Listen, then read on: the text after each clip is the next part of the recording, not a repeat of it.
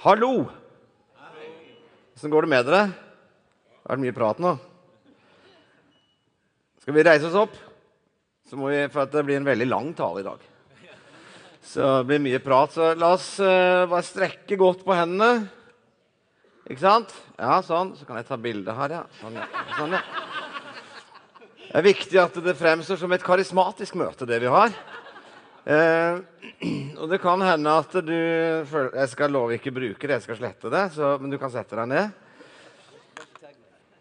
Ja, så kan jeg tagge alle og legge ut på Facebook. Nei, vi skal ikke det, men eh,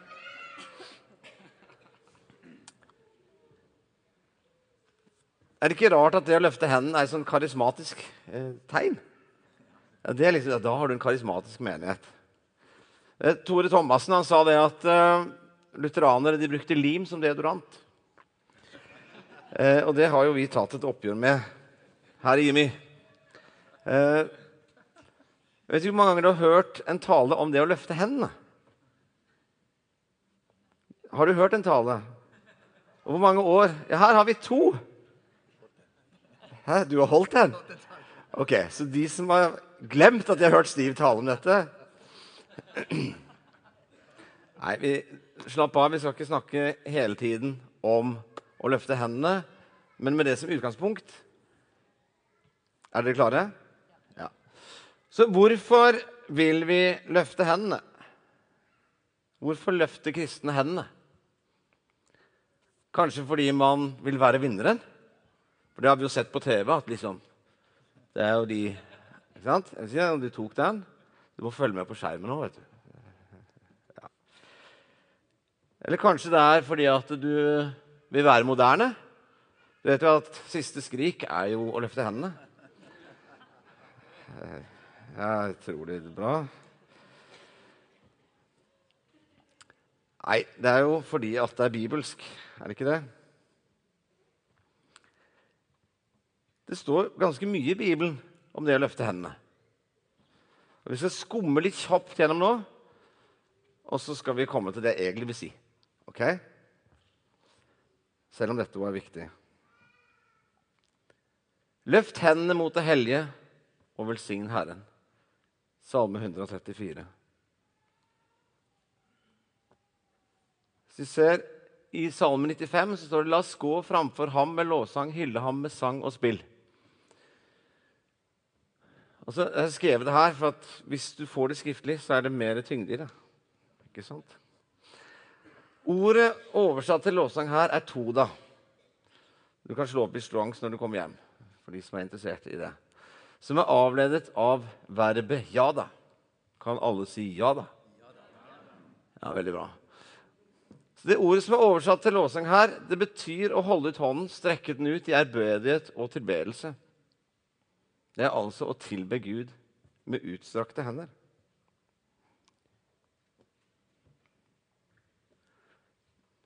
Et annet sted så ser vi i Esra at da han åpnet bokrullen, reiste alle seg. Og Esra lovpriste Herren, den høyeste Gud, allers Gud, den allmektige. Hele folket svarte amen, mens de løftet hendene og knelene tilba Gud.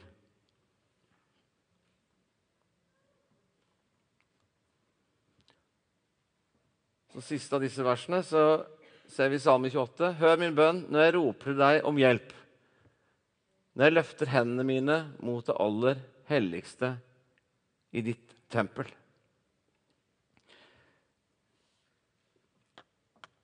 Av og til så trenger vi å rope om hjelp. Ikke sant? Eh, og jeg vet at det er noe med retningen her. Jeg løfter hendene mot det aller helligste, mot Gud mot Han som er allmektig, mot Han som har skapt meg. Når vi kneler, så er det jo i ydmykhet. Vi forstår hvem Gud er, og hvem vi er. Men så er det også dette store at Gud har valgt å komme oss i møte og si 'Her er jeg med min kraft'. Her er jeg for å være med deg, for å støtte deg. Retningen er jo vesentlig, hvor vi ønsker å peke livet våre. Og vi skal få lov å peke på Jesus. Når jeg løfter hånda, så er det et synlig tegn på at dette handler ikke om meg. Dette handler om noen andre. Det er så herlig når vi klapper for Imi Brass. Så ser vi alltid dirigenten på slutten, så gjør han sånn. For det er viktig for han å si dette gjør jeg for Jesus. Dette er ikke for at jeg skal, eller vi skal, men vi ønsker å ære han. Og det er rart i vår tid, når vi lever i Norge og egentlig i verden har det aldri vært så mye vekkelse som det er nå. Men så er det liksom litt det motsatte hos oss. Terje er framme og forteller om bare gjennom vårt arbeid i Kambodsja så langt i år 10 000 frelste. Skjønner du? Det er litt sånn annerledes. Det er sånn at vi sitter her og nesten ikke skjønner hva han sier. Vi skjønner ikke omfanget av det hundrevis av nye kirker som altså, Vi skjønner ikke, for vår virkelighet er så annerledes. Og det er heller sånn her at det har blitt mer og mer krevende å peke på Jesus i samfunnet vårt, på jobbene våre, noen ganger til og med i kirka. Hvor det, det er liksom krevende å løfte hendene innenfor Gud på møtet. Vi skal med frimodighet få peke på Jesus, samtidig som vi ikke kan forvente at folk skjønner hvem Jesus er, når de ikke har hatt et levende møte med han. Så at folk har spørsmål og utfordrer oss, det må vi være forberedt på, må vi ikke det? Ja. Jeg har gjort mye rart i mitt liv. Eh, og egentlig så er det jo veldig bra at det har gått så bra som det har gått med meg. Jeg husker når, eh, når jeg var ung, sikkert sånn 16-17 år, og så vi, gikk vi litt ned til Karl Johan i Oslo. Jeg og et par kompiser vi gjorde en del sånne ting som dette, hvor vi stilte oss opp sånn, på Egertorvet. Litt sånn i skumringen på kvelden. Det var mye folk. Så begynte vi å peke opp på toppen av liksom, det bygget hvor Høyre i dag holder til. Så tenkte Å nei! Ikke gjør det! Ikke gjør det! Så sto vi og skreik sånn. Og så begynte folk å stimle til, og alle sto og så. Ikke sant? Ikke gjør det! Ikke hopp! Ikke gjør dette. Dette er veldig dumt. Skjønner du? Men det var veldig mange som ble veldig oppmerksom på noe som ikke skjedde. Skjønner du? Og så når det var masse folk, så, så gikk vi. Så sto folk igjen, skjønner du? Eh, det er ingen oppfordring. Men, men, det er en kraft i å peke på noe. For folk blir nysgjerrige. Folk begynner å lure hva er dette for noe. Der står en hel gjeng på Egertorv og ser opp på noe som ikke er. Når vi peker på Jesus, er han levende og kan forvandle livet deres. Ikke sant? Jeg tenker av og til på Johannes døperen. Han var villig til å skille seg ut. Kamelårskapp og alt det rare. Jeg tror at jeg skal få lov å tenke om meg sjøl at jeg vil peke på Jesus. Så koster det kanskje litt, men så er det veien for mange til å se hvem Jesus er. For jeg skammer meg ikke over evangeliet. Det er Guds kraft til frelse for hver den som tror. Jøde først, så greker, sier Paulus. For Det er jo ikke sånn at folk er på bevisst jakt etter Jesus. Nødvendigvis. Men vi kan si noen ting, vi kan peke på Jesus, og ved det kontakt, hjelpe folk til å få kontakt med gudslengselen sin. Og så har jeg lyst til at vi skal se på en tekst som kommer rett etter, der vi ser Moses Han har løftet, løftet hånda si og delt Sivsjøen eller Rødehavet, alt etter som. Og så kommer denne teksten som vi skal lese etterpå. Og For de som ikke har med Bibelen, så har jeg det her. Andre Mosebok 17. Amalekittene kom og gikk til kamp mot israelittene i Refidim. Da sa Moses til Josma.: velg ut noen menn for oss, dra av sted og kjemp mot amalekittene. I morgen skal jeg stå på toppen av høyden med Guds stav i hånden. Josfa gjorde som Moses sa, og kjempet mot amalekittene. Mens Moses, Aron og Hur gikk opp på toppen av høyden. Da gikk det slik til at så lenge Moses holdt hånden oppe, hadde israelittene overtaket. Er ikke det rart? Sier Moses, nå skal du gå og kjempe, så skal jeg stå på fjellet, så skal jeg løfte hendene. Hvorfor er det seier når Moses løfter hendene? Nå er det sånn i Guds rike at det ikke er vår kraft, men Guds kraft som gjelder. Hvis ikke Gud bygger, så bygger vi forgjeves. Og seieren er ikke å finne i min hånd, men i Guds mektige hånd. Jeg skal se litt mer på det litt seinere. Så tror jeg det handler om Guds vilje. For det var faktisk Gud som hadde gitt han staven og bedt han løfte hånda. Altså Hvis Gud hadde sagt 'løft beinet', så hadde det vært det som gjaldt. Skjønner du? Når vi tar imot Jesus, som det står om i Romerne 10,9, så står det at hvis du bekjenner Jesus som Herre Altså, Gjennombruddskraften ligger i en overgivelse til Gud til å ta opp sitt kors hver dag og si vet du, du må, du må lede meg. For jeg kan ikke gå i min egen kraft. Og så ser vi at Josva gjorde som Moses sin leder sa. Jeg har lyst til å bare ta en liten tur innom Nytestamentet. Eh, for se på en annen historie som er kanskje enda mer tilgjengelig eh, eller relevant for oss.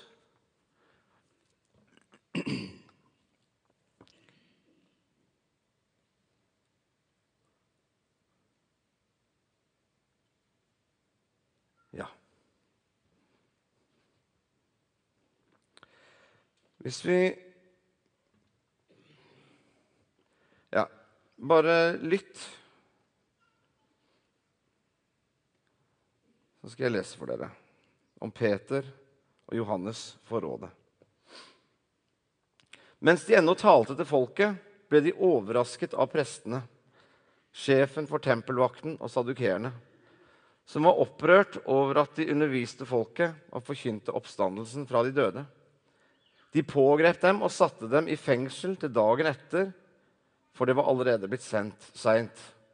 Men mange av dem som hadde hørt budskapet, kom til tro, og tallet på menn var nå omkring 5000. Dagen etter kom jødenes rådsherre, de eldste og de skriftlærde sammen i Jerusalem. Også øverstepresten Annas var der, og Kaifas, Johannes og Aleksander sammen med de andre som var i slekt med øversteprestene. De lot apostlene bli ført fram og forhørte dem. Med hvilken kraft og i hvilket navn har dere gjort dette? Da ble Peter fylt med Den hellige ånd og svarte dem, rådsherrer og eldste i folket. Når vi i dag blir forhørt av en velgjerning mot en syk mann, og blir spurt om hvordan han er blitt helbredet, så skal dere alle og hele Israels folk vite dette. Når denne mannen står frisk foran dere, er det ved navnet til Jesus Kristus Nazareren. han som dere korsfestet, men som Gud reiste opp fra de døde. Han er steinen som ble vraket av dere bygningsmenn, men som er blitt hjørnestein. Hold dere fast. Det er litt igjen.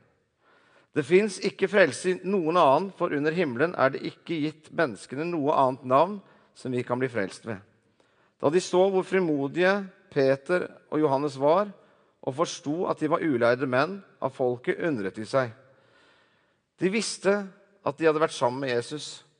Og da de så mannen som var helbredet, stå der sammen med dem, kunne de ikke si imot. De sendte dem ut av rådssalen og møttes for å rådslå med hverandre. De sa, 'Hva skal vi gjøre med disse menneskene?' De har gjort et åpenlyst under. Det er klart for alle som bor i Jerusalem, og vi kan ikke nekte for det. Men dette må ikke få lov til å spre seg mer blant folk. Derfor skal vi true dem, så de ikke taler til noe menneske mer i dette navn. De kalte dem inn igjen og påla dem å holde helt opp med å forkynne og undervise i Jesu navn. Men Peter og Johannes svarte dem, døm selv om det er rett i Guds øyne å adlyde dere mer enn ham. Men vi kan ikke la være å tale om det vi har sett og hørt. Da truet de dem enda mer, men lot dem gå.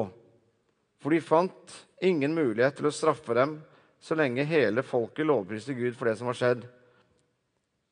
Mannen som var blitt helbredet ved dette underet, var jo over 40 år. Så står det etter at de var løslatt, gikk de til sine egne. Jeg har uh... Etter at de var løslatt, gikk de til sine egne og fortalte hva overprestene og de eldste hadde sagt. Da de andre hørte det, ba de til Gud med ett sinn og én stemme og sa:" Herre, du som skapte himmelen og jorden og havet og alt som er i dem.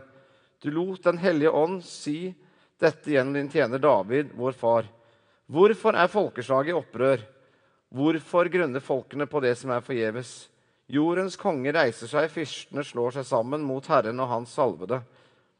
Ja, i denne byen slo de seg sannelig sammen mot din hellige tjener Jesus, som du salvet, både Herodes og Pontus Pilatus sammen med hedningfolkene og Israels stammer. Alle har de gjort det som du ved din hånd og din vilje hadde bestemt skulle skje. Og så kan du lese på veggen. Og nå, Herre, hold øye med truslene deres, og la dine tjenere tale ditt ord med frimodighet. Rekk ut din hånd, så du skjer helbredelser og tegnet under ved rette navn din hellige tjener. Da de hadde bedt, skalv stedet der de var samlet. De ble alle fylt av Den hellige ånd og talte Guds ord med frimodighet.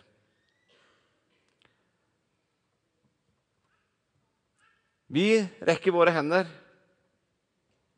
men Gud rakk ut sin hånd først. Når de opplever at det blir trøkk,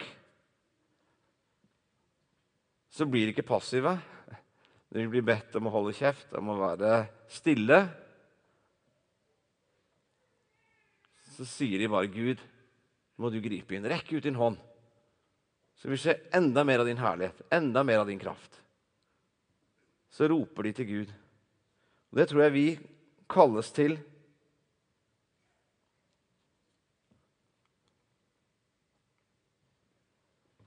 Jeg syns dette bildet er så betegnende. fra Det sixtinske kapell i Vatikanet. Hvordan Gud har rekt ut sin hånd. Det er han som rakker sin hånd til oss først.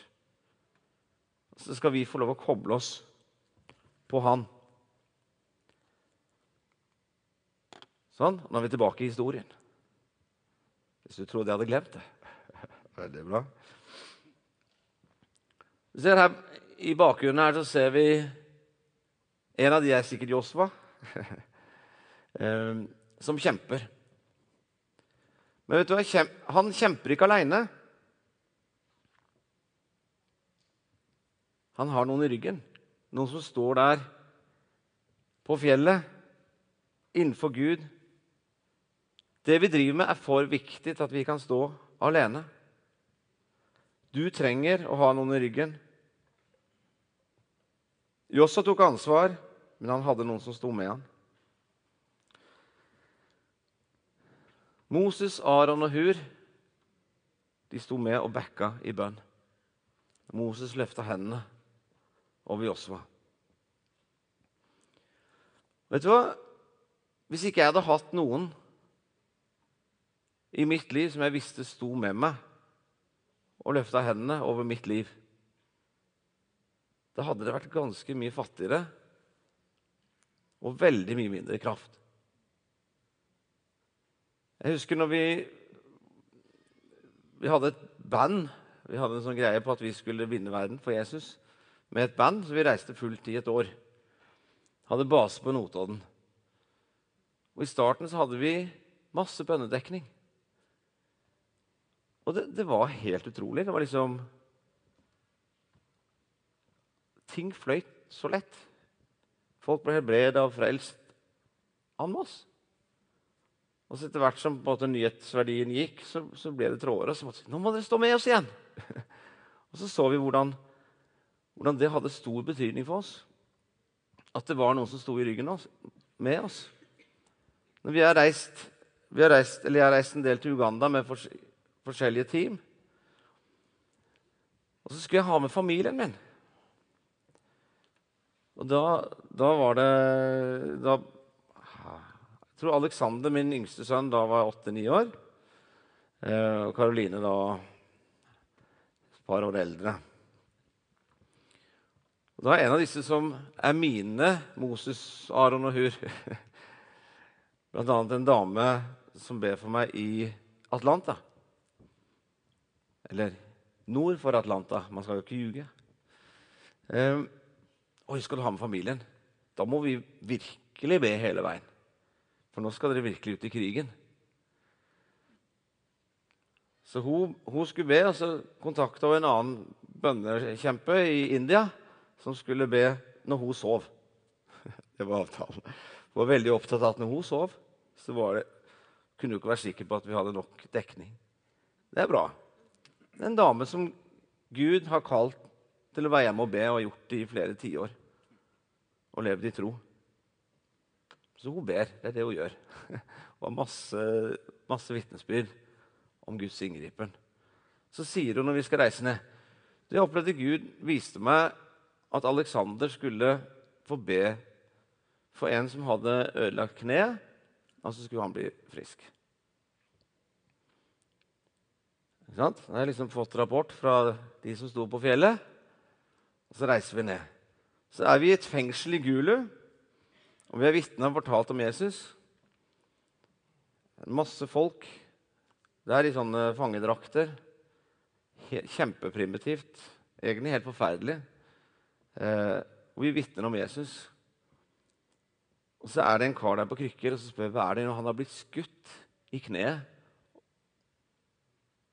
Og den eh, altså, kula sitter i kneet hans ennå var det de sa til oss. Ok, ja. Ok, Baktroppene sa ok, Aleksander, du må komme. Og Så fikk vi be. Og så fikk vi se hvordan han opplever at smertene blir borte. Han kan kaste krykkene. Og så ser vi over 80 fanger ta imot Jesus i, i fengselet der. Jeg spør meg selv, hadde, hadde vi sett det hvis vi ikke hadde de på fjellet? Skjønner du?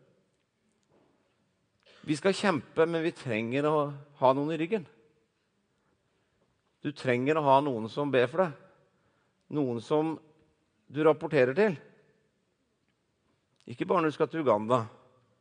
Kanskje du skal på jobben din og være lærer, eller hva det måtte være.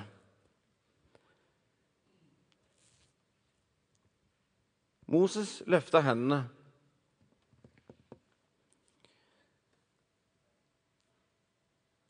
Og han så Josva og sto med han. En av de tingene som har gjort veldig inntrykk på meg, det er Jeg var ungdomspastor i Arendal på 90-tallet. Og så går det 10-15 år, så er jeg i Arendal etter at vi har slutta. Og så kommer Ragnhild og Andor. Et eldre ektepar i menigheten. Og så sier de, 'Vet du hva? Jeg vil bare du skal vite at hver morgen ved frokostbordet så ber vi for deg og Gry.'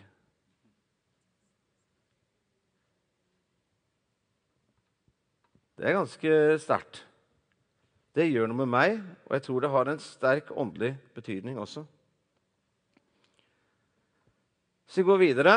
Skal vi se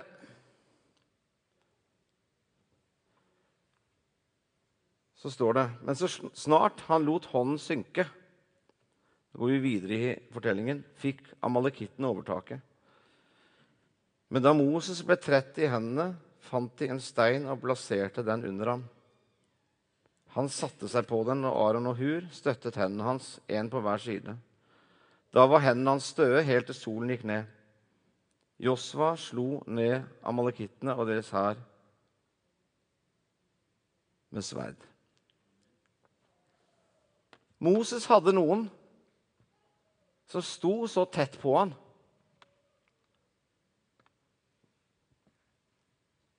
Som faktisk så at nå var Moses sliten. Nå, nå må vi hjelpe ham.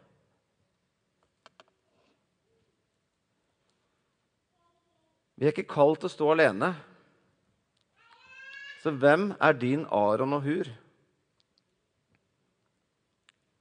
Vi må plassere folk så tett og sammen med oss, så de ser og forstår når vi trenger støtte. Vi trenger en Hur, som når det går bra, så sier han hurra. Ikke sant? Vi trenger en Hur, som når det går dårlig, spør hur mår ni? Unnskyld, sorry. Ja, beklager, men Det er så sterkt, vet du, når du Når det blir så sterkt, da tar det. Det er fantastisk. Det er noe med det å spørre om hjelp før du faktisk holder på å drukne. Ikke sant? Jeg snakker av til med folk som har problemer i for forskjellige områder. Det er ikke som Terskelen for at, å spørre om hjelp er så stor at det holder på å gå helt krise, liksom. Før noen spør om hjelp. Det kan være som person eller som mennesker i ekteskapet. Altså det, det er så mange områder av livet hvor det virker som det sitter langt inne for oss. Og Jeg hadde ikke tenkt å si noe om huskirker i dag. Men når jeg jobber med, med, med, dette, så, så, ser jeg bare hvordan huskirka, som jeg får være en del av, har gitt meg folk som står med meg. Som jeg kan si vet du, nå er det dette som står på i livet mitt. Som kan be for meg. Som kan lytte til Gud for meg.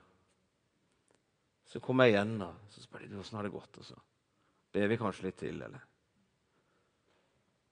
Eller når det er noen seire, så er det noen jeg kan fortelle det til. Er ikke det bra? Det er godt å ha noen som på en måte Som du vet, Vi har blitt enige om at vi skal stå sammen. Vi skal heie på hverandre. For Én ting er å være sammen på gudstjeneste her, men ikke sant? det har kjempeverdi å være mange sammen. Men når vi skal løpe sammen og se Guds rike gå fram, så trenger vi å ha folk tettere på oss.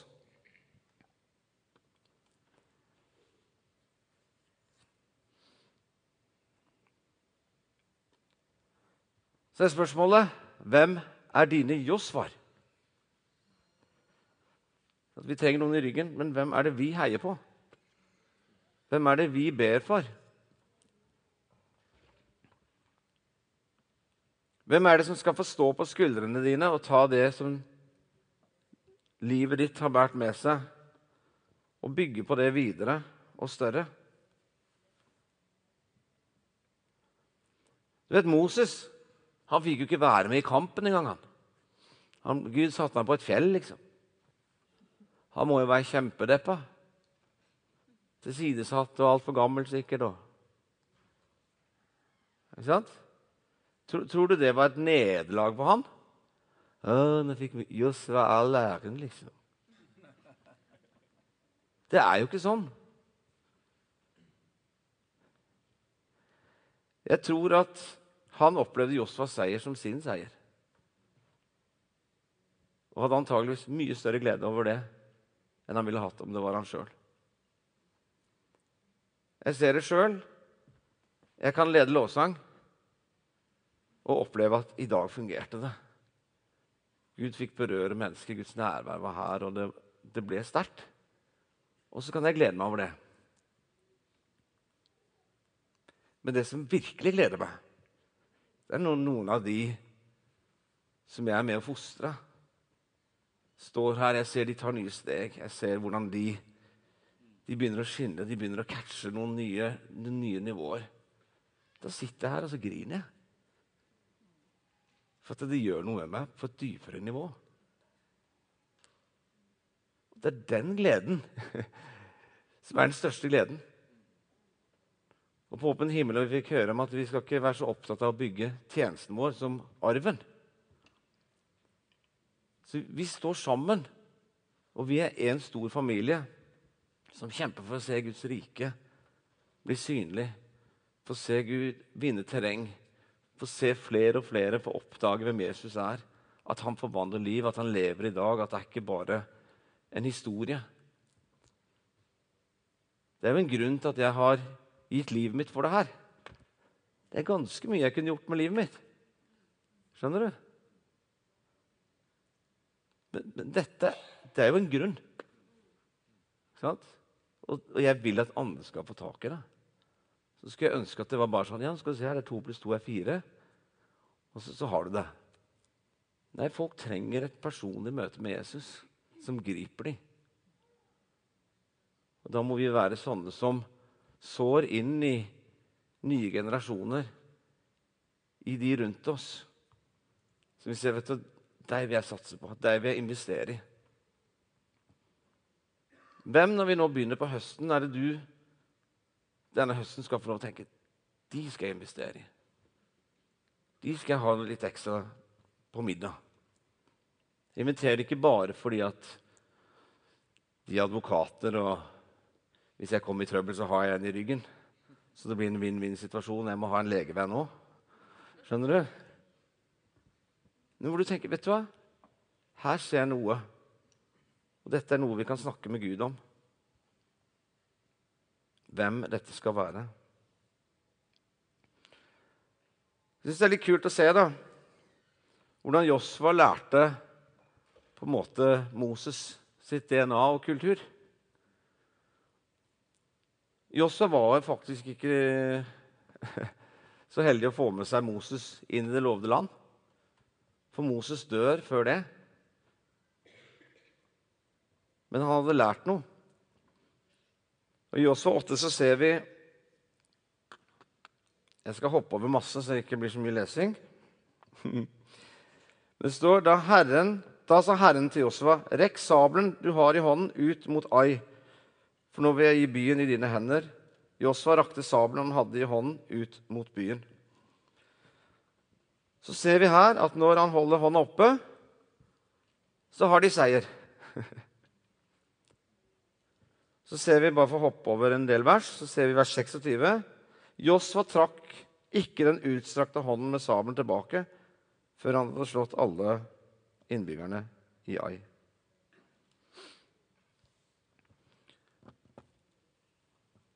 Så står vi her og snakker om Josva flere tusen år etterpå.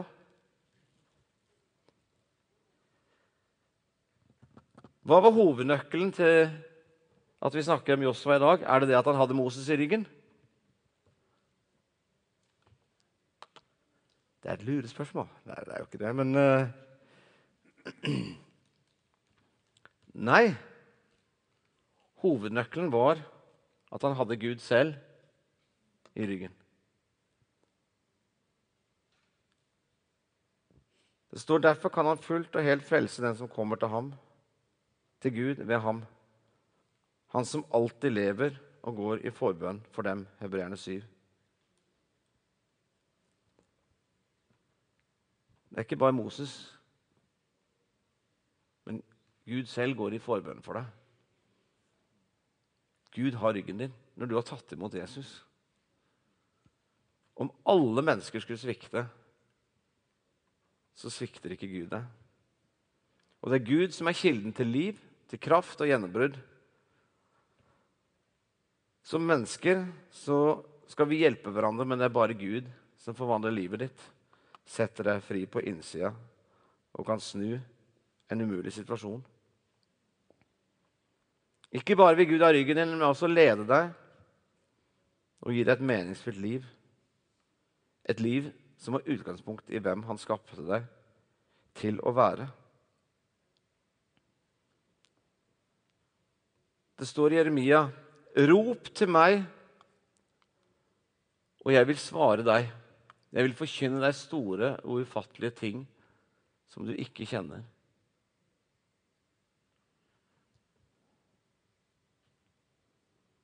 Vi trenger å koble oss på Gud, strekke hånden til Gud som har strukket en hånd mot oss. Det er når din hånd og Guds hånd møtes, at det blir liv og kraft og gjennombrudd. Det kan hende at du er her og tenker vet du, jeg vet ikke om jeg har egentlig tatt imot. Sånn. Kan jeg gå tilbake her? Sånn. Så bra. Utgangspunktet for alt jeg sier her, er jo at du har fått dette livsforvandlende møtet med Jesus. Sant? Ehm, jeg har bare lyst til å si at Gud har allerede rekt ut sin hånd til deg. Og så sier han ikke 'her er lista over alt du skal ha oppnådd og klart å vise til av perfekt liv'. Men i Efesene 2 så sier han at ja, dette hviler ikke på gjerninger. Det handler ikke om deg, sånn at ingen av oss skal ha noe å rose, av, rose oss av. For det er en Guds gave. Av nåde er vi frelst ved tro. Så jeg vil bare utfordre deg til å si Vet du hva, Gud? Ok, jeg rekker opp hånda mi. Jeg vil ta imot deg, Jesus. Jeg har lyst til å koble meg på deg. Kan vi ikke bare lukke øynene, og så skal du, siden det handler om å løfte opp hendene Hvis du, du har lyst til å si til Gud vet du, i dag Når jeg går hjem i dag, så vil jeg vite at jeg er sikker på at jeg har sagt ja til deg, Jesus.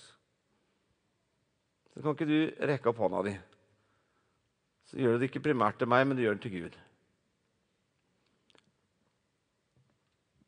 Så hvis du, hvis du har lyst til å si til Gud da i dag har jeg lyst til å ta imot deg Jeg skal ikke ta deg fram og gjøre voldsomme greier ut av det, men Bare rekk opp hånda di nå. Det er flere hender her.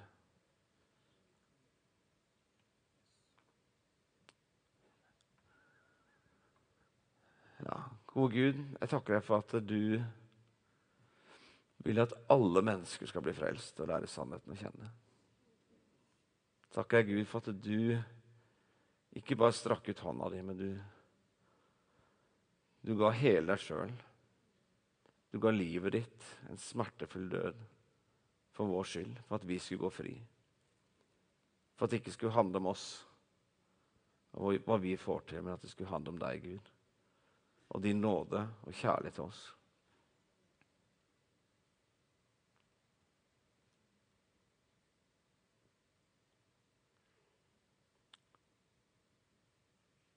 Så bare gjenta etter meg. Gode Gud. Jeg takker for at du døde på korset for min skyld.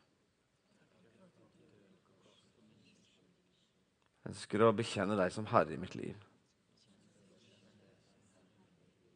Og at jeg tror at du sto opp fra de døde. At du lever i dag. Jeg vil leve et liv for deg. Takker deg for at du tar meg imot. Jeg takker at jeg kan vite at jeg er frelst og ha min sak i orden med deg, Gud.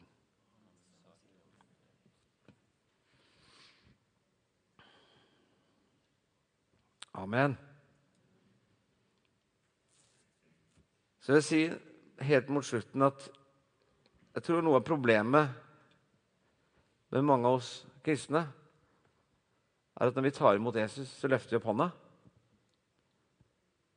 Og så tar vi den ned. Så går vi ut i livet vårt.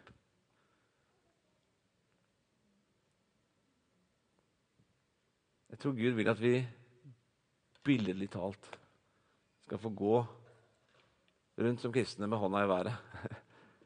Kobla på Gud i forventning til at han er den som gir meg seier. Han er den som gir gjennombrudd. Hvis ikke han bygger, så bygger vi forgjeves. Når jeg møter motgang, så blir jeg ikke passiv, men jeg går på og sier Rekk ut din hånd, Gud, så det skjer masse ting så folk ser hvem du er. Jeg blir ikke passifisert, men jeg blir aktivisert. Og det blir jeg når jeg er kobla på.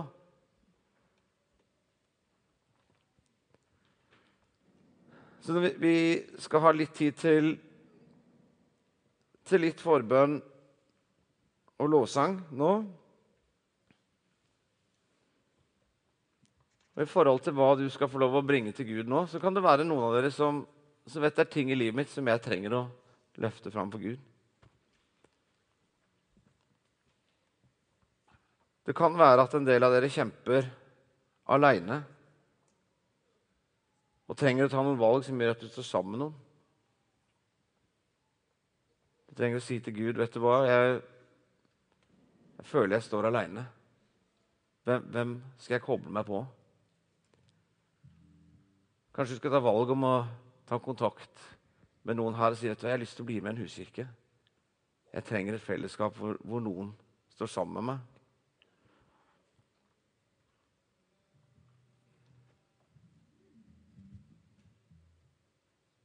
Du kan spørre hvem er Aron og Hur? De menneskene som du har våget å vise din svakhet. Som du har sluppet såpass tett innpå at de, de ser det. Ikke fasaden. Alt dette så er det noe Gud ønsker å hjelpe oss til. For Gud har ikke skapt oss til å stå alene, men til å stå sammen. Og kanskje du vet at jeg er en av de som har fryktelig vanskelig for å rekke opp hånda og si 'jeg trenger hjelp'. Det går faktisk an å snakke med Gud om. Vet du hva? Jeg er lei av dette her å stå aleine. Nå trenger jeg hjelp.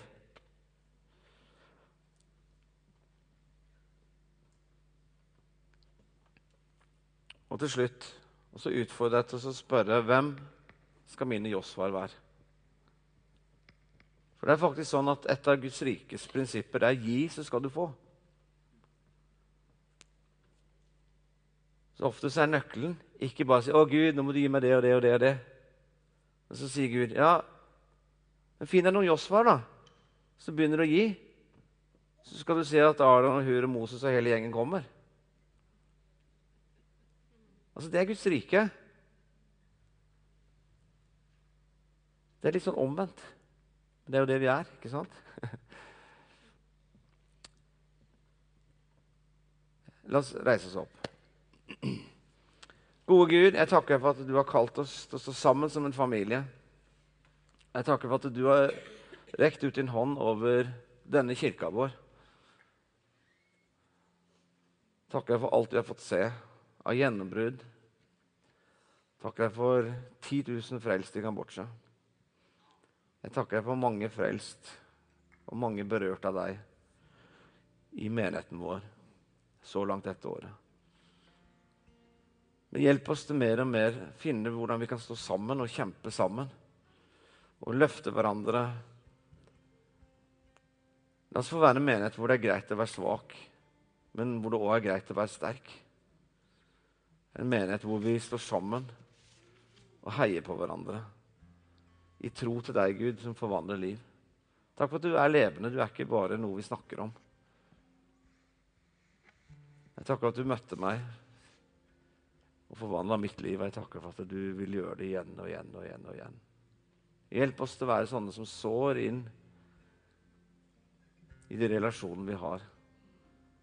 Snakker ord som blir til liv, og såkorn som får vokse opp.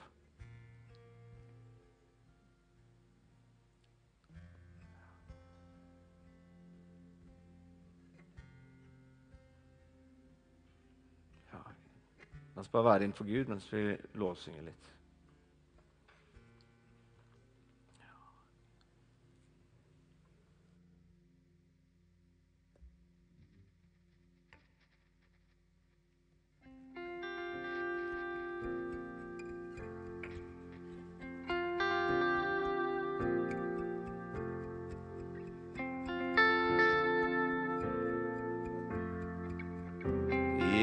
Ja. Så kan forbønnerne begynne å gjøre seg klare.